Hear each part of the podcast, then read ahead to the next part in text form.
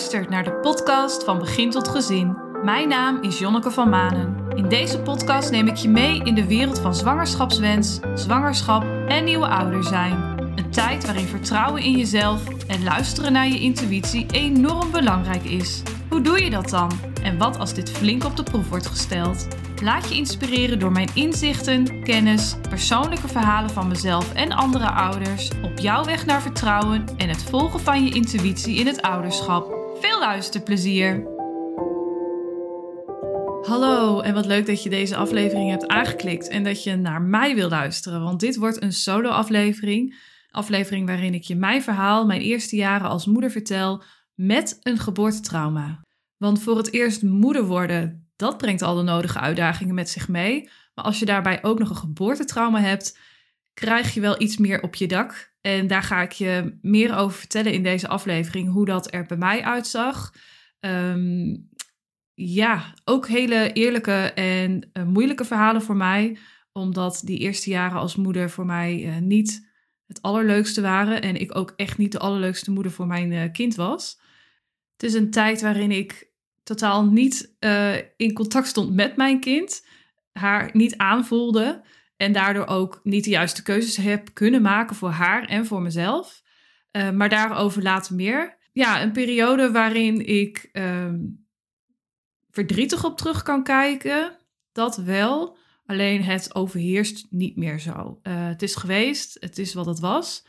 Uh, ik wist niet beter. Ik heb daarna kaart aan mezelf gewerkt om wel die betere moeder te zijn. Althans, wat ik in mijn ogen beter vind.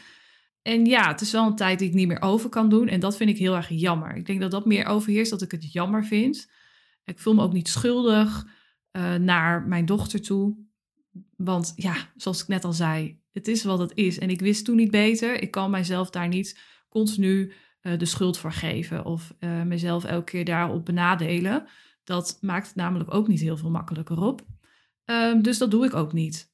Ik heb daarin ook mijn manieren gevonden om ermee om te gaan. En uh, dat zal ik ook later in de aflevering wel wat meer gaan bespreken. Ook naar mijn dochter toe, want zij heeft natuurlijk ook een, pittige, een pittige eerste jaren gehad.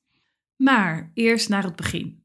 In aflevering 2 vertel ik iets meer over mijn zwangerschap en de complicatie die ik kreeg, namelijk zwangerschapscholestase.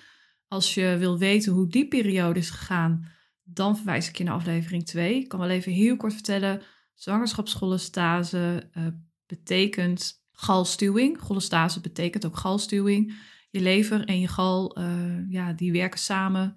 Die horen afvalstoffen uit het lichaam te verwijderen, maar dat werkt niet zo goed. Je lever brengt het naar het gal. Uh, die verbinding die is met zwangerschapscholestase niet goed. Ze weet ook niet zo goed waarom. Waarschijnlijk iets hormonaals. Uh, maar dat betekent dat afstoffen niet uh, uit de lever kunnen. Of in ieder geval de lever verwerkt, kan ze niet verwerken. waardoor dit in je bloed terechtkomt. In je bloed gaat natuurlijk linea recta naar de baby. na 37 weken zwangerschap is de kans op complicaties voor de baby, vroeggeboorte of eventueel overlijden, daar is een grotere kans op. Dat betekende dus dat ik met 37 weken werd ingeleid en dat ik al een aantal weken behoorlijk veel stress had, omdat ik vanwege die cholestase heel veel jeuk had. En die jeuk die was zo alles overheersend. Ja, daar kon ik eigenlijk niet zo heel goed op functioneren. Eh, jeuk is eh, al, ja, erger dan pijn. Ehm, dat kan ik niet beoordelen. Want ik heb geen chronische pijnen, maar uh, jeuk komt heel dicht in de buurt. Je wordt echt gek. Ja, dat is het enige wat ik erover kan zeggen. Je wordt echt gek van de jeuk. En de jeuk gaat niet weg. Het wordt alleen maar erger en erger. En heel stressvol. Uh, ik heb ook niet uh, veel rust gehad, omdat ik rond 35 plus een paar dagen, plus een paar dagen, 35 weken zwangerschap, nog aan het werk was. Ja, met 37 weken werd ik dus al ingeleid. Dus ik heb amper ook rust gehad, want die week die anderhalve week na, de na de inleiding toe waren ook behoorlijk stressvol, omdat ik ziekenhuis in moest en ziekenhuis weer uit moest. Nou, dat hele verhaal vertel ik in aflevering 2. Was al een uh, lichte aanloop naar mijn geboortetrauma. En in aflevering 6 vertel ik over het geboortetrauma en hoe dat tijdens de bevalling ontstaan is. dat was onder andere ook een behoorlijk stressvolle bevalling. Ja, het ging gewoon door. Het ging van uh, stressvolle zwangerschap naar stressvolle bevalling. En ehm, waarin alles wat een groter risico geeft op een geboortetrauma, alles kwam daar samen en overkwam mij. Dus wil je meer weten over dat geboortetrauma, dan verwijs ik je, of in ieder geval mijn, mijn bevalling van mijn eerste dochter, dan verwijs ik je naar aflevering 6. Daar hoor je het verhaal uh, hoe het gegaan is en hoe dat geboortetrauma tot stand kwam. Nou, die bevalling is dus geweest. Uh, even een plaatje schetsend. Ik zit in mijn kraamweek. ik ben thuis, kindje naast me in de wieg. ik zit op bed. Dat is wel een beetje mijn kraamweek. Ik, ik lig op bed, of ik zit op bed. Dat heb ik wel een goede week gedaan. En mijn dochter lag naast mij in de wieg als, je de foto's, als ik de foto's terugkijk, als je foto's ziet van die tijd, dan zie je vooral uh, mij en een kind naast mij. Dus niet een kind die ik draag, die ik bij me heb, die ik vasthoud.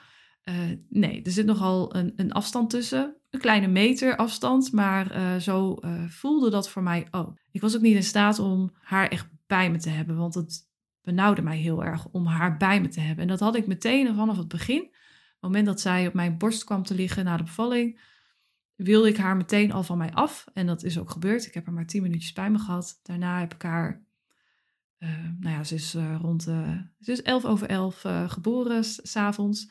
En de volgende dag gingen wij naar huis. En ik denk dat de volgende ochtend, ehm, toen wij thuis kwamen, had ik haar nog steeds niet vastgehouden.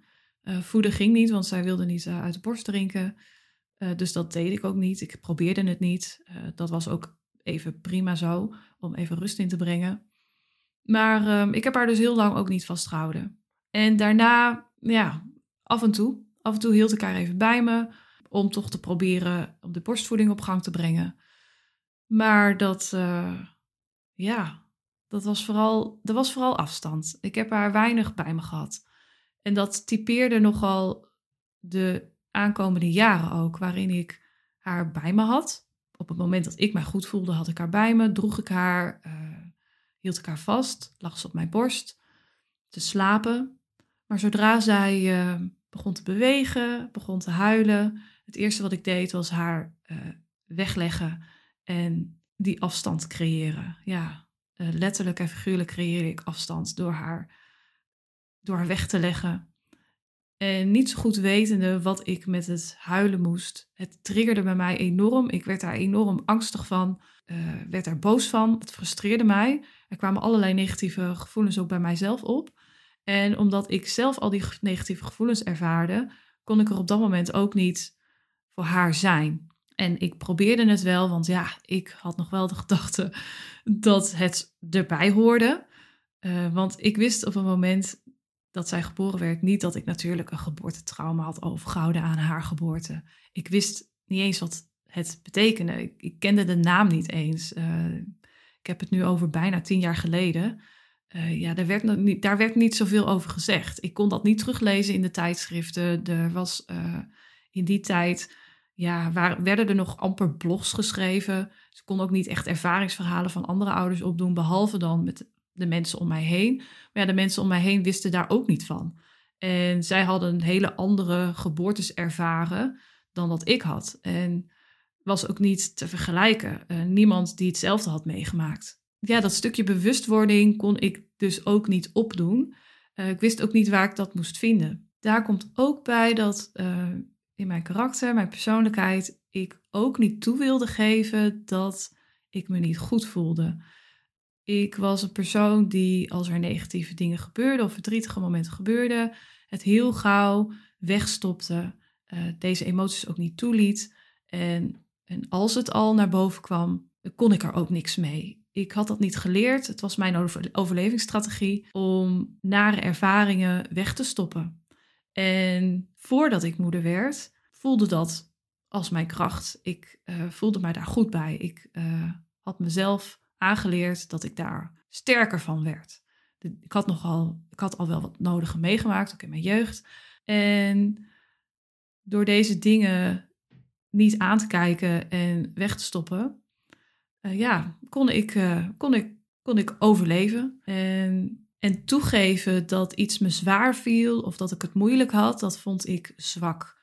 Uh, daar deed ik niet aan. Ik moest vooral sterk blijven en ik wilde moeder worden. Dus dit hoorde erbij. Dat idee had ik ook. Het was nou eenmaal uh, ja, wennen. En iedereen om mij heen deed het, dus ik moest dat ook kunnen. Toen ik nakontrole had van de verloskundige in die kraamweek. Zelfs mijn huisarts is nog op bezoek geweest. Um, zelfs toen zij er waren en ja, zij mij het verhaal wilde laten doen van de geboorte, hield ik een rooskleurig plaatje voor. Ik uh, vertelde niet. Ja, ik vertelde het niet. Ik wist ook, ik wist op dat moment ook niet zo goed dat het zo heftig was. Dat ik het als zodanig mocht aanschouwen. Dat wist ik op dat moment ook niet. En ik weet dat de huisarts zei, want ik had ook nogal wat bloed verloren tijdens de bevalling. Ik weet dat de huisarts zei, hij, hij was daarvan geschrokken um, en hij wilde dat heel serieus nemen.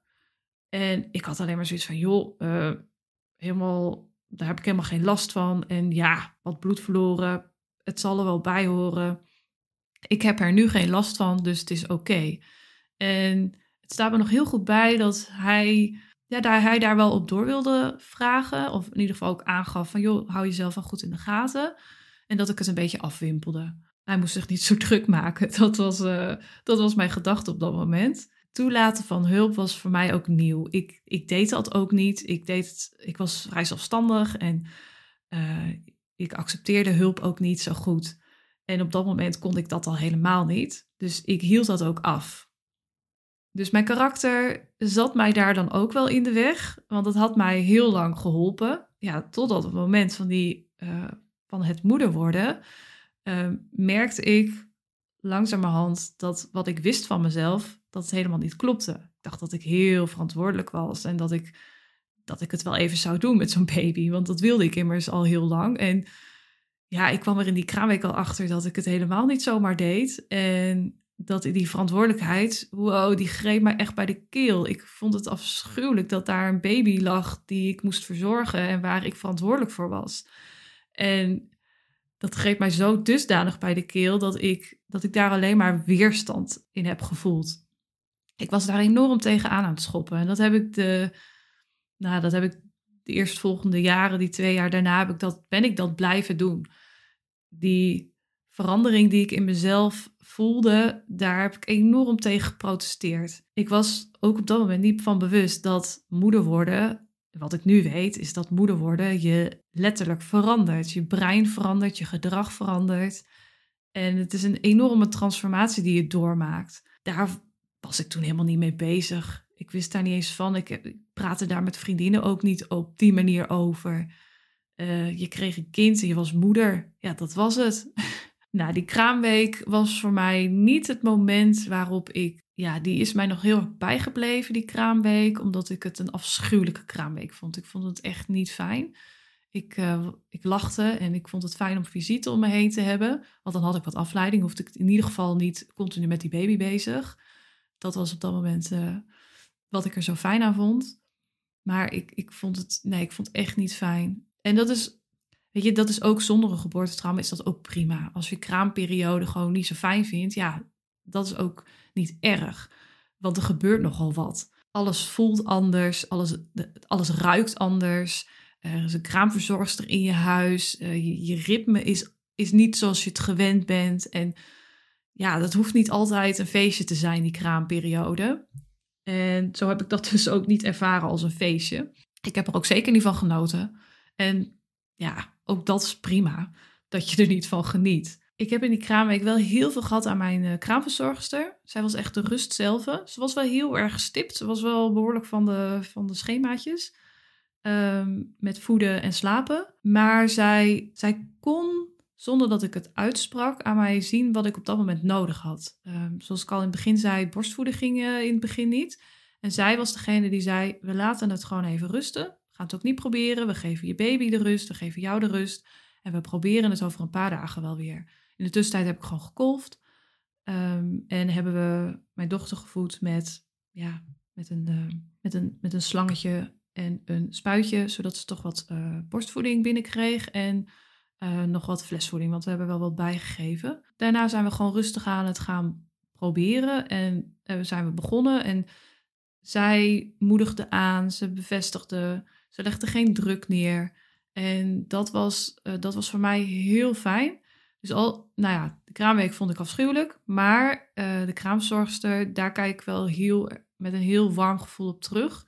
Want zij maakte de week wel. Ik denk dat als ik iemand anders had gehad, dan... Ja, ik had al zoveel op mijn bordje gehad. Dan was het, dat had er dan ook nog wel bijgekund. En omdat zij die borstvoeding zo met mij heeft opgepakt, heb ik daarna ook een aantal maanden heel fijn borstvoeding kunnen geven. En ik zie dat als een redding in de hechting tussen mij en mijn dochter. Als ik met hoe ik was ook nog niet had borstgevoed, dan was onze hechting wel een stuk stroever gegaan. En dat ging natuurlijk al met horten en stoten, maar ja, dan, ik geloof echt oprecht en ik voel oprecht dat die borstvoeding ervoor heeft gezorgd dat wij nu de band hebben die we nu hebben. En die borstvoeding heeft er voor mij voor gezorgd dat ik dat, ik dat moedergevoel en mijn moederlijke instinct toch wel heb kunnen voeden. Letterlijk, met het borstvoeding heb ik het kunnen voeden. Wauw. en ja, dat is voor mij heel belangrijk geweest. En ik heb dat ook heel prettig gevonden, het borstvoeden. Los van het hele andere verzorgende gedeelte van het moeder zijn, ja, heb ik dat heel fijn gevonden.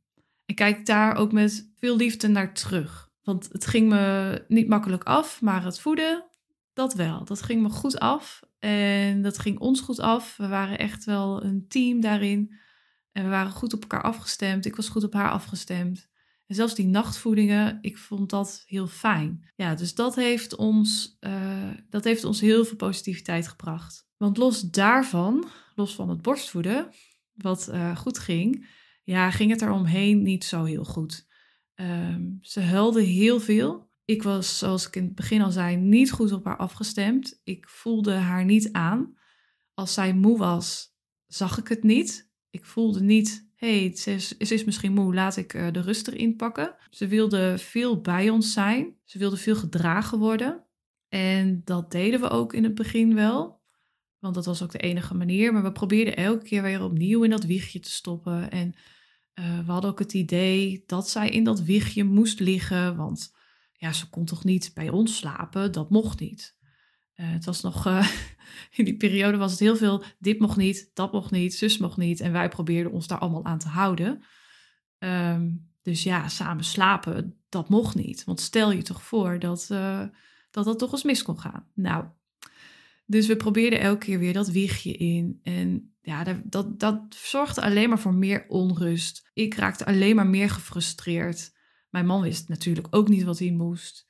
Uh, hij kon mij niet volgen, want ik volgde mezelf al niet eens. Ik was uh, totaal niet afgestemd op mijn uh, intuïtie. En als ik het wel deed, was ik me er niet van bewust was niet op dat moment dat ik dacht: hé, hey, dit is mijn intuïtie die mij nu ingeeft dat, dat dit misschien de goede keuze is. Uh, want er is één moment, uh, ze was volgens mij al een paar weekjes oud. En ze sliep dus alleen bij ons op de borst, op haar buik. En wij hadden op een gegeven moment, ik had op een gegeven moment het gevoel van: hé, hey, slaap op haar rug vindt ze gewoon niet fijn. Ze moet op haar buik. Uh, dus zijn we begonnen om haar op haar buik weg te leggen. En in die tijd was op een baby op de buik wegleggen echt een no-go. Dat mocht absoluut niet. En wij durfden dat toen bij het consultatiebureau amper aan te geven. We waren daar toen echt wel een beetje bang voor wat er tegen ons gezegd zou worden. Ja, het is echt van de zotte. Maar zo was het nou eenmaal. Um, maar wij zijn toen begonnen om haar op haar buik uh, neer te leggen. En um, mijn kussen is wat. Uh, ik heb een wat stevige kussen. Dus we hebben haar tussen ons ingelegd in bed op dat kussen. Ja, en het werkte. Ze sliep heerlijk. Ze kon eindelijk haar rust pakken en wij ook. En ja, het was goed. Het was dus puur uh, instinct die mij ingaf dat ik dit moest doen. En wij uh, hebben ons toen niet aangetrokken van het regeltje van dat mag absoluut niet. Uh, wij hebben dat gewoon gedaan omdat wij vonden, wij voelden dat dit het beste voor ons was achteraf zeg ik, joh, dat was echt wel een hele Dat, op dat moment heb ik echt heel goed naar mijn intuïtie geluisterd. Maar ik was me op dat moment niet van bewust dat ik dat deed. En um, ja, voelde het meer een beetje als, uh, ja, dat is toch heel normaal. Uh, ja, dit is gewoon wat we doen. Wel een heel mooi moment. En daar kijk ik ook heel fijn op terug. En nog even bijgezegd, toen we op het consultatiebureau waren en wij aangaven bij de verpleegkundige dat we haar op haar buik lieten slapen, toen zei ze, joh, wat werkt, dat werkt. En ze deed daar super relaxed over. Dus dat was heel fijn voor ons. Gaf ons bevestiging dat wij, uh, ja, dat wij op de goede weg zaten als ouder. Um, moet je voorstellen dat we iemand anders tegen, tegenover ons hadden gehad en die ons daarop afwees of die had gezegd van ja, het mag eigenlijk niet en nou ja, bla bla bla. Dat had ons vertrouwen alleen maar meer geschaad. Het vertrouwen in, ons, in onszelf als ouder. Uh, dus ook dat, uh, kraamverzorgster die ons uh, goed meenam en bevestigde en ons het vertrouwen gaf dat we het goed deden. En de verpleegkundige die ons op dat stukje, het slapen en hoe wij daarmee omgingen, ons daar ook in bevestigde. Ja, top. Die hadden wij ook echt nodig op dat moment. Die had ik ook echt nodig. Um, maar ja, ik was, we waren er nog niet helemaal mee geholpen, want ze bleef heel erg veel huilen. Um, ja, en ik was alleen maar heel erg gestrest. Ik had het niet in de gaten dat ik zoveel stress bij me droeg. En ik had al heel veel stress natuurlijk van de weken voor de bevalling en van de bevalling zelf.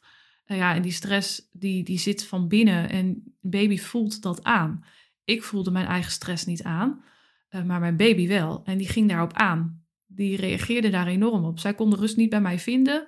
En ja, dat was gewoon een continu. Uh, dat was een spiraal, een cirkel waar we in zaten. Ik wilde dat zij die rust pakte. En uh, ik wilde zelf die rust. Alleen die kregen we niet. En ja, uh, dat, dat in verbinding staan, uh, elkaar aanvoelen of ik haar aanvoelen, ja, dat, dat lukte niet. En erkennen dat ik gestrest was, ja, dat, dat zat er niet bij, want ik wist het niet.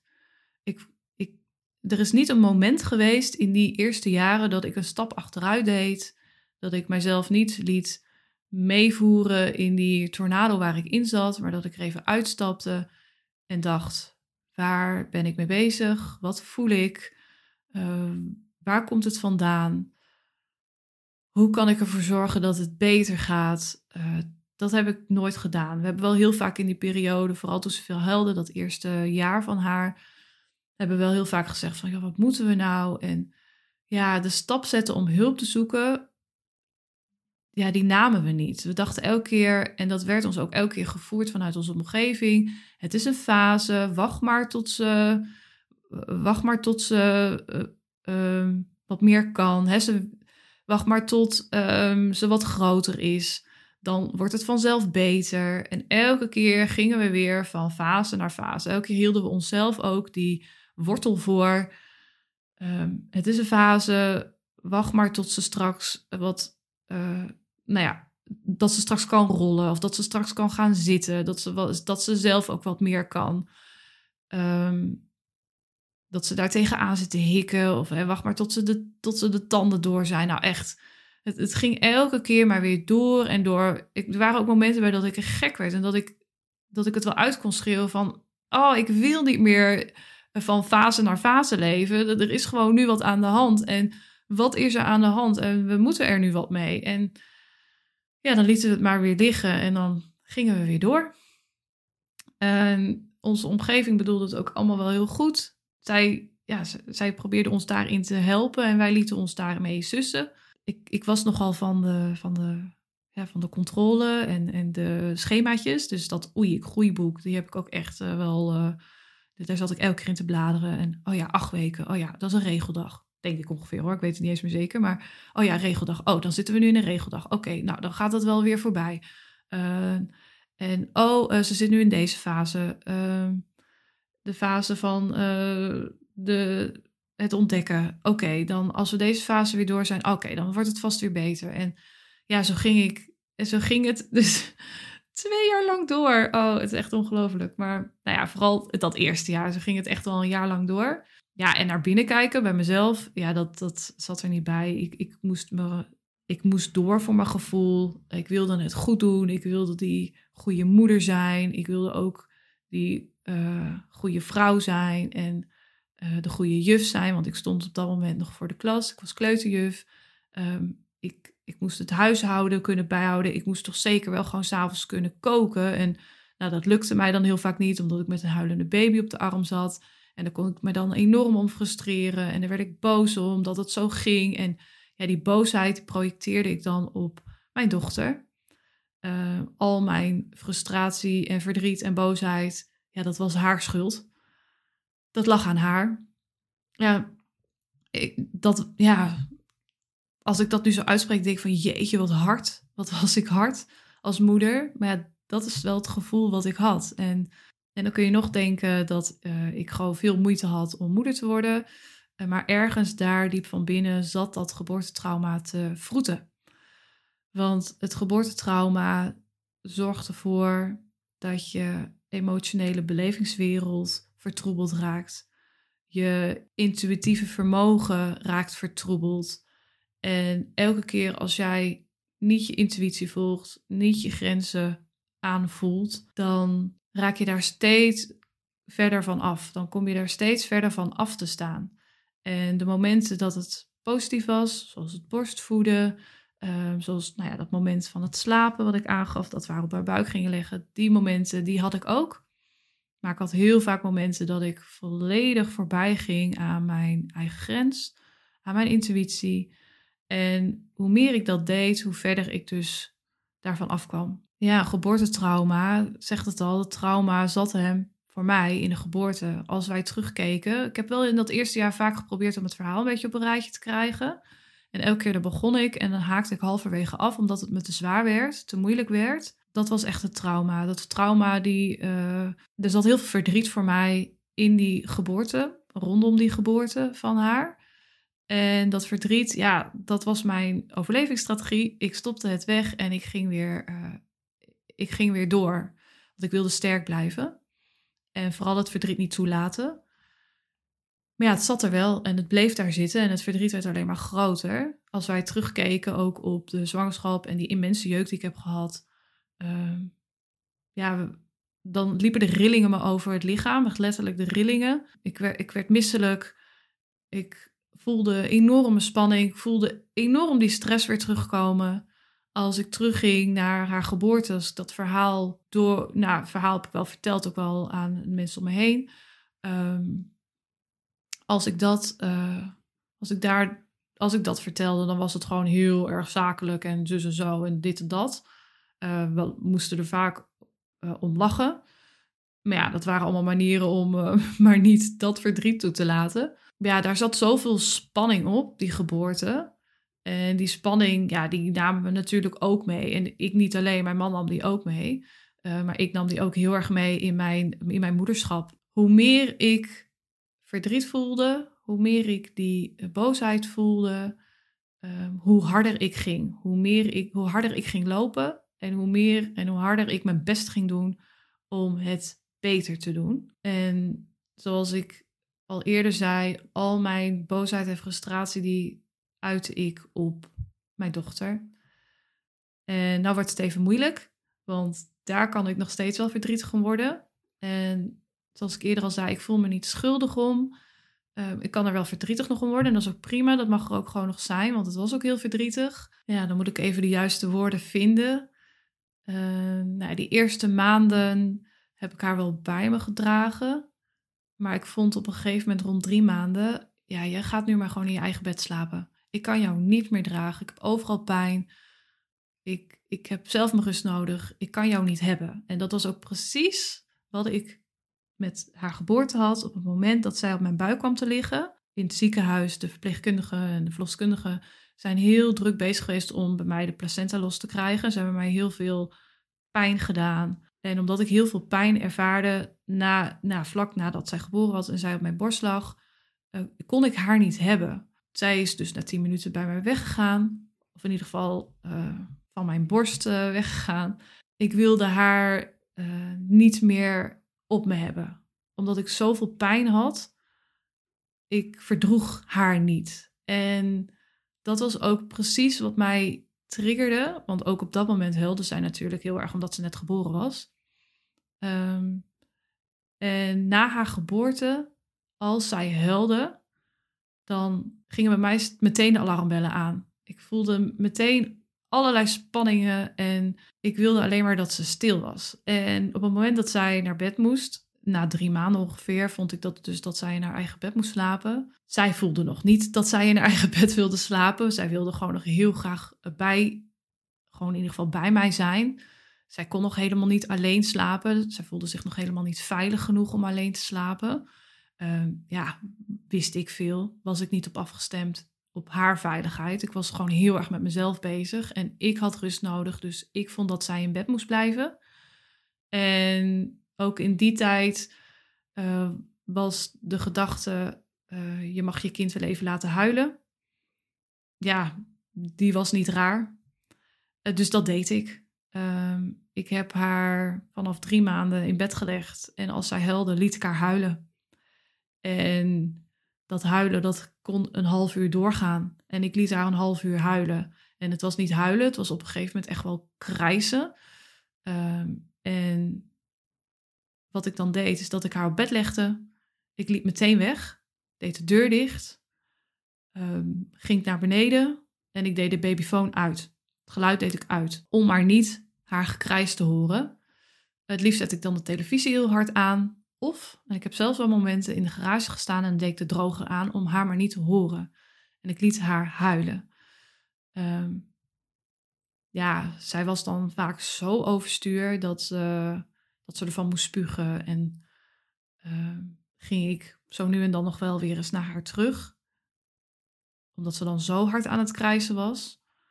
Uh, om haar weer even te troosten. Wat voor manier dan ook. Maar mijn gedachte was: jij blijft in je bed liggen en ik laat jou huilen. Totdat je stil bent, totdat je slaapt.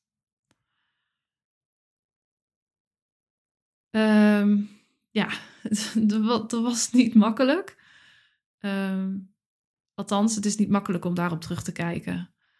Want wat mij die situatie aangeeft, is dat ik ongelooflijk veel onmacht voelde. Geeft mij aan hoe slecht het met mij ging. En ja, natuurlijk ook super verdrietig dat, uh, dat het kleine babytje daar in haar bed um, niet getroost werd. En om ons riep. Ze huilde. Het was haar manier om te laten weten: ik voel me hier niet fijn in dit bed. Ik wil niet alleen zijn.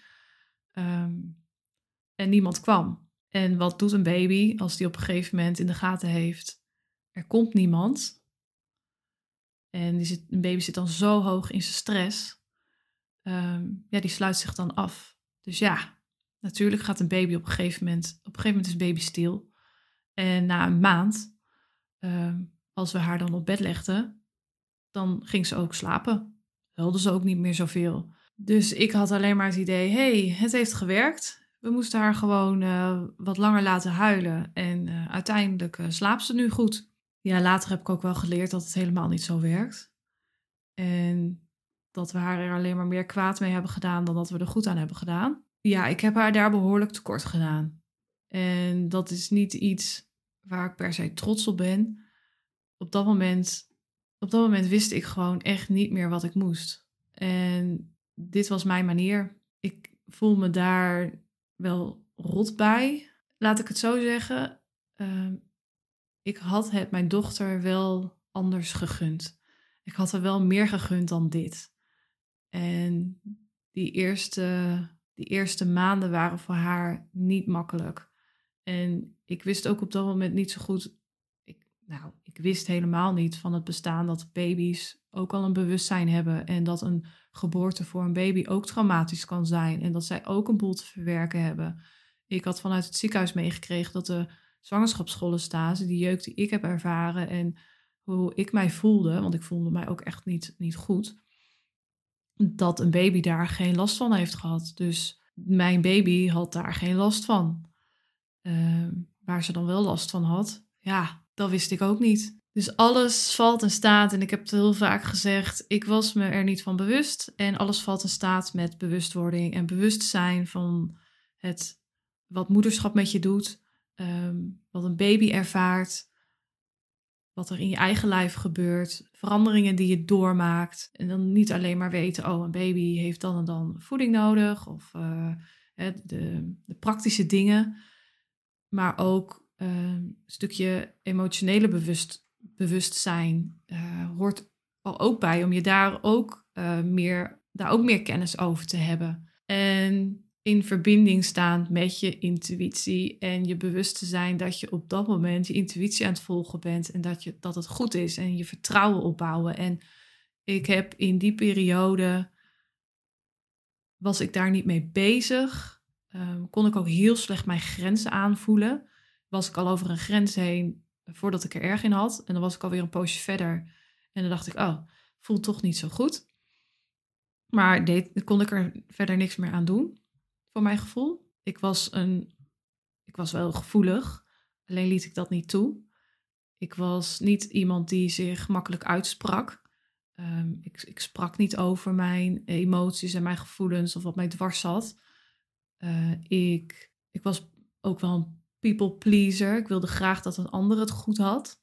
Dat een ander het goed heeft. Dat vind ik nog steeds belangrijk, maar ik kon daar zo ver in gaan dat ik uh, geheel over mijn eigen grenzen heen ging en en mezelf niet meer uh, kon zijn. Ik was en nog steeds een sociaal dier. Dus ik vond het heel leuk om mensen om me heen te hebben en leuke dingen te doen. Ik merkte in die periode dat ik net moeder werd dat um, ik alleen maar die dingen die um, mij altijd veel gebracht hebben, mijn persoonlijkheid, mijn karaktereigenschappen, uh, mijn perfectionisme, mijn doorzettingsvermogen, eh, de dingen waar ik kracht uit haalde, waarvan ik vond van, oh, dat heeft me alleen maar heel sterk gemaakt, die werkte voor mij niet meer. Ik merkte dat ik daar geen houvast meer aan had en dat beangstigde mij enorm, want als die dingen wegvallen, ja, wat heb je dan nog?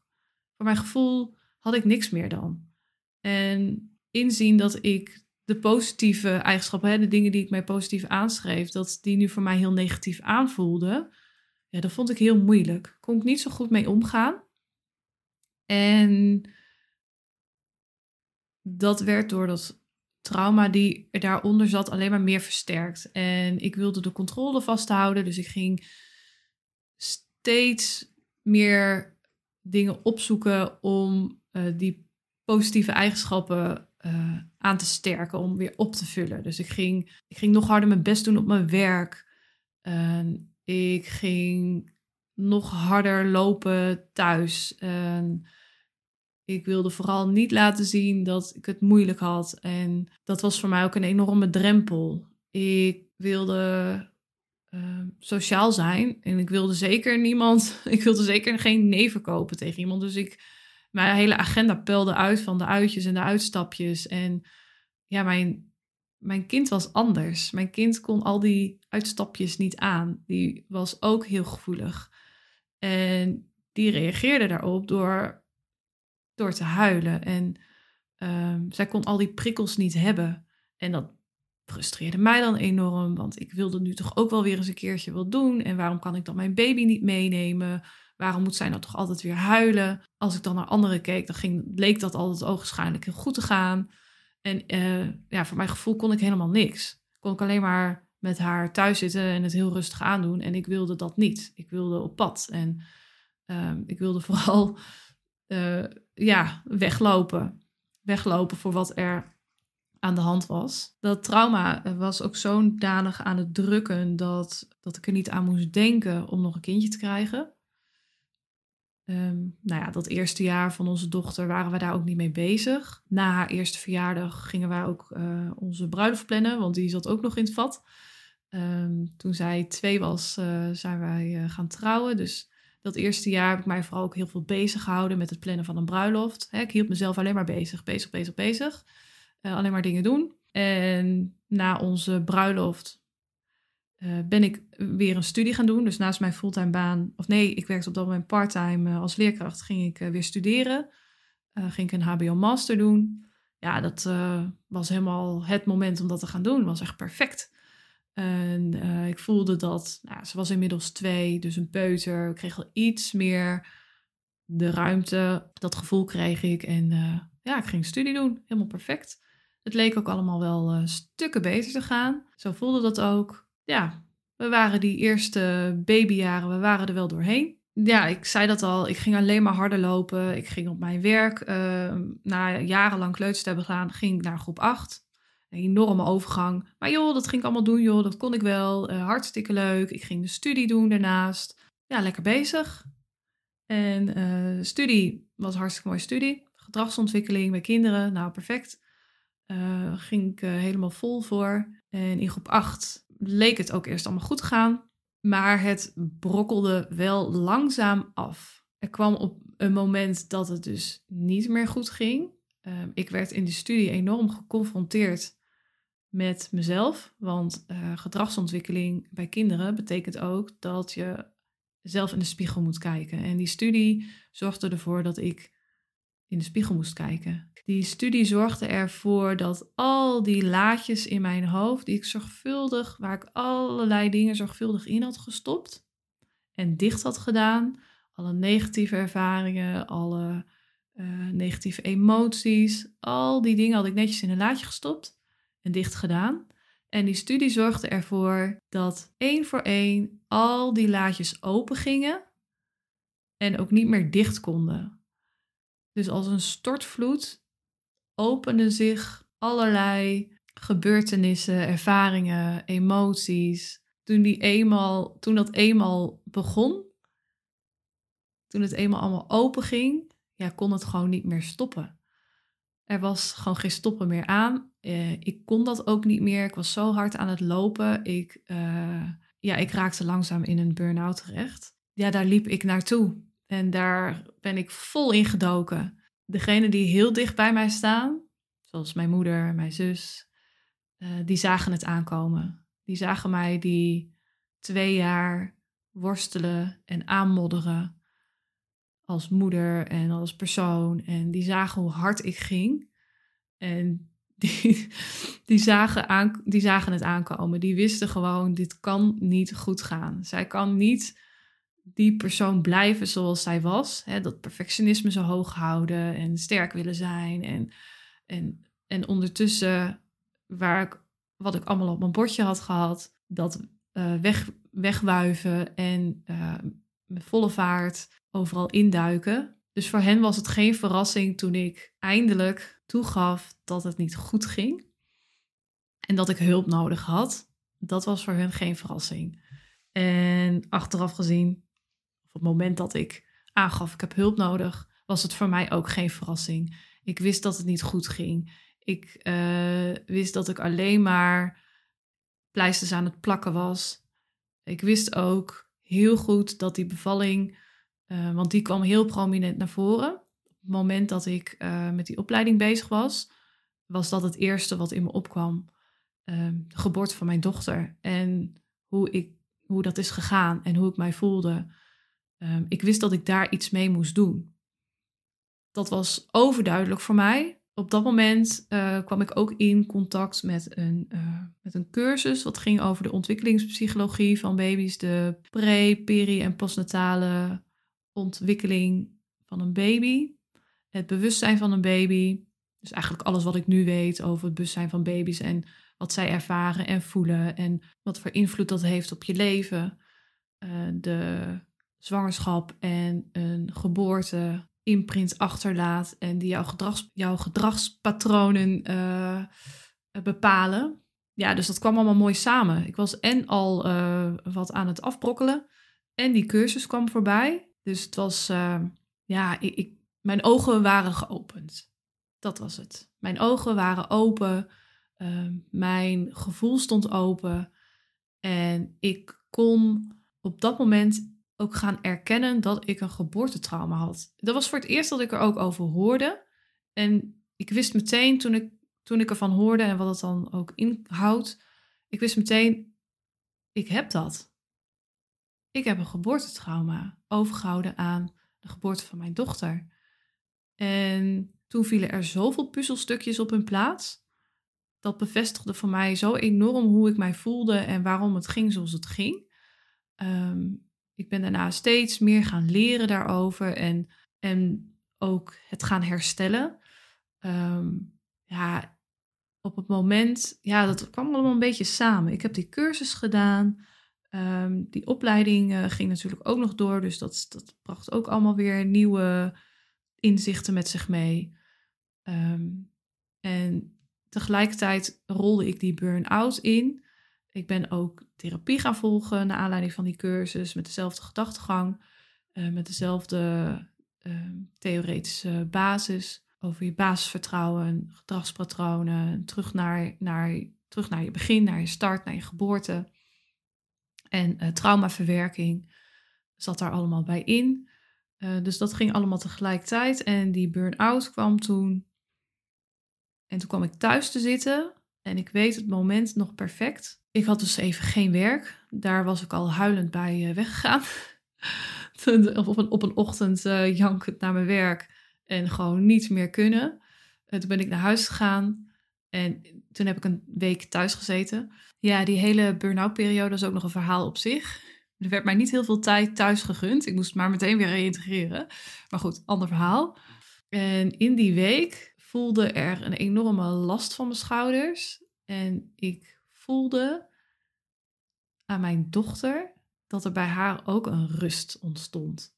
En dat was zo'n mooi moment. Ik vergeet ook nooit meer. Het was, het was in die week dat ik me realiseerde hoe rustig het ineens was. Ik voelde, ik voelde mijzelf natuurlijk nog best wel onrustig. Ik was die stress natuurlijk nog niet kwijt en ik ging nog een heel. Uh, ik zat midden in die burn-out. Maar ik stond stil. En doordat ik even stil stond, kon ik mijn dochter zien. Al die jaren daarvoor zag ik haar niet. Ik voelde haar behoefte niet. Ik was dol op haar, echt. Ik, uh, we deden ook echt wel hele leuke dingen samen. Maar ik, ik was er niet bij. Ik stoomde door. Ik uh, ging voorbij aan haar gevoel en emotie. En ik ging voorbij aan mezelf. En op het moment dat ik stil stond, in die week dat ik thuis kwam te zitten, zag ik haar. Voelde ik haar aan. En ik voelde aan haar, ik voelde bij haar ook een rust. Zij was, ze was ook best wel ja, iedereen zei een keer dat ze een temperamentvol karaktertje had. Ja, dat, was, dat was helemaal niet het geval bij haar. Bij haar was ook onrust. En daardoor liet zij zich nog wel vaak horen en huilen en driftbuien. En dat hoort natuurlijk ook bij een peuter, maar uh, dit had een andere oorzaak. En het viel allemaal op zijn plek. Die bekende puzzel, die puzzelstukjes, ja, die alles viel op zijn plek. Er was rust mijn oogkleppen waren af. Ik kon uh, nu alleen nog maar vooruitkijken. Het moment dat ik voelde dat ik mijn dochter zag, ja, dat was voor mij ook zo fijn. Dat opende voor mij ook uh, weer de mogelijkheid om mijn intuïtie beter aan te voelen. Daar heb ik al die jaren aan gewerkt. Uh, daardoor kreeg ik steeds meer vertrouwen in mijn eigen moederschap. Nou ja, daar kan ik helemaal over uit gaan wijden nu. Uh, maar ik denk dat ik dat nog voor een volgende aflevering ga bewaren. Hoe ik nu al die jaren heb gewerkt aan, aan het moeder zijn en aan mezelf. En persoonlijke ontwikkeling daarin. En hoe ik uh, nou ja, nu sta waar ik nu sta. En hoe dat bij mijn, ehm, bij mijn tweede dochter ging. Want dan ging het heel anders aan toe. Heb ik ook hele andere keuzes gemaakt. Dus daar ga ik nog wel weer een andere aflevering van maken, bedenk ik me nu ineens. Uh, want uh, ik denk dat ik voor nu wel heel veel genoeg heb gezegd. Ik kan nog veel meer de diepte ingaan. Ik merk dat ik het af en toe ook echt wel heel moeilijk vond om wat dingen te delen.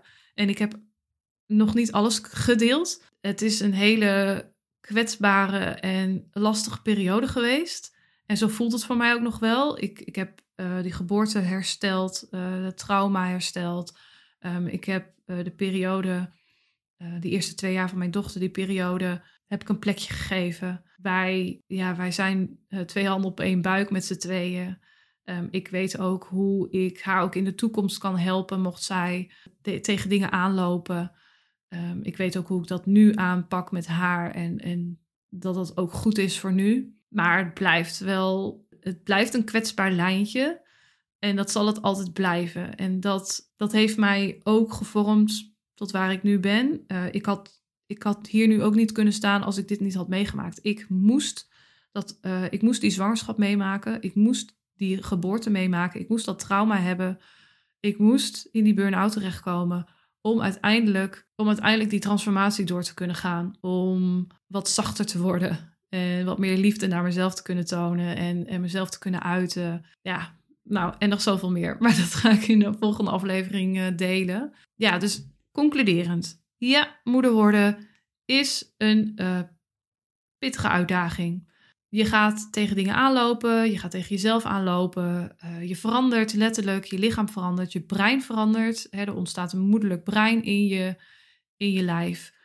Dat moederlijk brein die is ook nodig, want uh, je, die is nodig omdat je als moeder bepaalde behoeften hebt, waardoor je daar meer naar moet gaan luisteren. Je kind heeft behoeften waar je op afgestemd raakt. Eh, je gedrag verandert. Hè? Je kunt niet meer continu die people pleaser zijn, want je hebt een kindje om die voor te zorgen. Je hebt een gezin waar je voor moet zorgen. Nou, dat soort dingen, daar zorgt het moederlijk brein ook voor. Dat je die transformatie door kan gaan naar het moederschap. En dat je, en dat je kind krijgt wat hij nodig heeft van jou. Uh, dus dat is al een hele reis op zich. Een geboortetrauma, ja, dat is een, een, een zwaartepunt die drukt daarop. Die zorgt ervoor dat dat moederlijk brein, dat je moedergevoelens, je moedergedrag zich niet optimaal kunnen ontwikkelen. En die heeft het wel nodig om te kunnen ontwikkelen. En uh, dat, dat trauma dient daarin wel hersteld te worden is niet iets wat zomaar voorbij gaat. Of waar, de, waar je de tijd voor moet nemen. Of al met de jaren wel slijt. Want dat slijt niet. En het kan alleen maar meer vast gaan zitten in je lichaam. Je kan er alleen maar steeds meer klachten om gaan krijgen. Lichamelijk, geestelijk. Nou ja, bij mij is dat geestelijk behoorlijk uitgepakt doordat ik in een burn-out terecht kwam. Dat ik steeds meer en meer en meer wilde en harder ging lopen. Uh, maar lichamelijk kun je ook klachten krijgen. En kun je ook moeilijk herstellen na geboortetrauma. Je, en het gevoel dat je, dat je ergens wel weet dat er iets niet klopt. En dat gevoel dat er iets tussen jou en je kind in staat. Want dat gevoel heb ik altijd gehad ook. Het was bij ons ook een constant spel van aantrekken en weer afstoten. Ik trok haar aan wanneer ik mij goed voelde. En ik stootte haar af wanneer ik mij niet goed voelde. En die dagen dat ik mij niet goed voelde of dat ik haar niet kon hebben, uh, dat zij iets bij mij triggerde. Ja, die dagen waren meer aanwezig dan de goede dagen. Um, ja, en, en om zo te leven, om zo uh, je dagelijkse dingen te doen, dat is geen doen. Daar doe je jezelf tekort mee. Daar heb ik mijzelf enorm tekort in gedaan en daar heb ik haar ook heel erg tekort in gedaan. Maar is te herstellen. En dat is heel fijn. En dat zeg ik met een lach op mijn gezicht, want alles is te herstellen. Geboortetrauma is te herstellen. Verstoorde hechting, of in ieder geval de moeilijke hechting, de, de stroperige hechting, die is te herstellen. Ja, dat is gewoon dat wetende is gewoon al heel fijn. Daar kun je op bouwen. En mocht je naar aanleiding van mijn verhaal nu denken, ja, ik heb, ik heb ook, ik heb het gevoel, want dat voel je gewoon aan. Je weet ergens van, oh ja, dit geldt ook voor mij. Is dat zo bij jou, dan kan ik je van harte aanbevelen om eens op zoek te gaan naar de geboortespecialist. www.geboortespecialist.nl uh, Brun is expert in het herstellen van geboortetrauma. Uh, vaak, en dat is echt super. Na één of twee gesprekken kan dat geboortetrauma al verdwenen zijn. Of dusdanig uh, hersteld zijn dat je daar uh, niet meer hinder van ondervindt. En uh, ik heb zelf niet mijn geboortetrauma herstel gedaan bij Brun, maar wel op een soort gelijke manier. En ik was inderdaad na één, één keer, twee keer, voelde ik aan alles in mijn lijf, hey, het zit er niet meer. Ik kan nu die geboorte weer her, uh, her, ik heb de geboorte herbeleefd op mijn eigen manier, hoe ik het graag had gewild. En dat is nu hetgeen wat, wat in mijn lijf zit. En niet meer die negatieve ervaring. Hè, die kan ik nog steeds wel voor me halen. Ik weet alles nog precies. Lees aflevering 6 maar. Of luister aflevering 6 maar.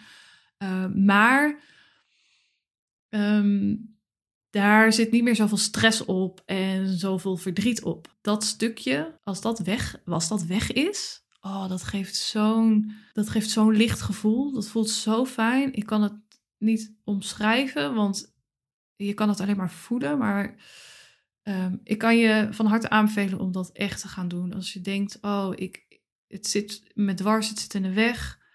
Ga ermee aan de slag. Echt waar. Als je ook op haar site kijkt, dan zie je ook andere geboortetraumaconsulenten, therapeuten die ook werken met hersteltherapie. Um, zij is niet de enige een heel team. Uh, zelf ben ik uh, begonnen met traumapreventie, coaching. Dus in de zwangerschap ehm, vrouwen begeleiden, aanstaande moeders begeleiden eh, in een preventieve vorm. Dus we begeleiden de bevalling zo voor dat het risico op geboortetrauma enorm verkleind wordt. En een geboortetrauma is helaas, komt heel vaak voor. Mijn werk is echt geen overbodige luxe. Helaas is mijn werk nodig, want het komt te veel voor en het geeft zoveel hinder in het moederschap en zoveel hinder in het leven van de start van het leven van je kind, dat het ook echt nodig is. Ben je benieuwd naar mijn werk? Uh, ga vooral ook naar mijn site www.maandacht.com. M-A-A-N-D-A-C-H-T. En op Instagram ben ik heel actief. En dan vind je mij daarbij uh, onder de naam maandacht. Van begin tot gezin. Uh, daar vertel ik heel veel meer over mijn werk. de coaching die ik doe voor, tijdens en na de zwangerschap. Want ook daarna is het ook hard nodig. En voor de zwangerschap is het een stuk bewustwording van wat gebeurt er in mijn lijf, wat gebeurt er met mijn kind. Um, hoe kan ik mijzelf al voorbereiden op een zwangerschap? Ja, eigenlijk allemaal om het je wat makkelijker te maken. Soms heb je moeilijke dingen nodig en is het ook helemaal niet erg om die moeilijke dingen uh, door te moeten gaan. Maar wat als er dan iemand met je meeloopt? En wat als er iemand is die je steunt en die je bevestigt en die jou het vertrouwen geeft? ja, dat is, daar is mijn coaching op gebaseerd. Heel erg bedankt voor het luisteren naar mijn verhaal. Ik hoop dat ik je met mijn verhaal wat uh, mee kan geven. Laat wat van je horen als je dat uh, graag wil. En dan wens ik je een hele fijne dag, fijne avond. En dan hoop ik je graag weer terug te zien hier op mijn podcast. Dankjewel.